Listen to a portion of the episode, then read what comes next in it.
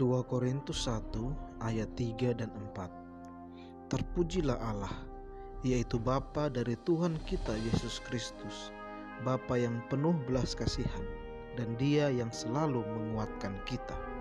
Dialah yang menguatkan kami, sehingga kami sanggup menghadapi setiap penderitaan yang kami alami.